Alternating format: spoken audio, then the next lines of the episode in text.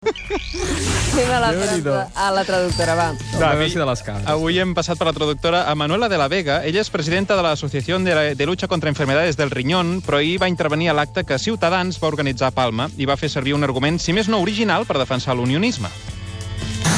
y con 39 años me detectaron una nefropatía diabética. Eso quiere decir que los riñones dejaron de funcionarme.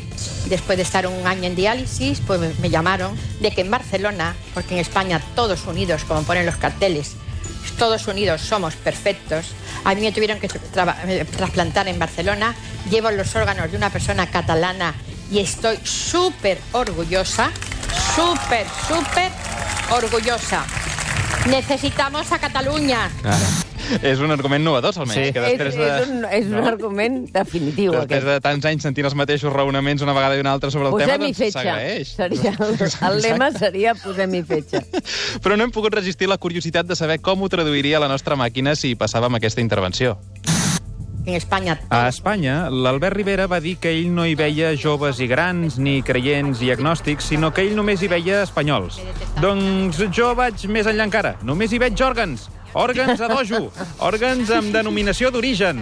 Res de ronyons i mèdules de senegalesos o malians. A aquests fronteres, no fos cas. A la meva pàtria hi ha més mercaderia que en un magatzem del Lidl. És una triperia collonuda.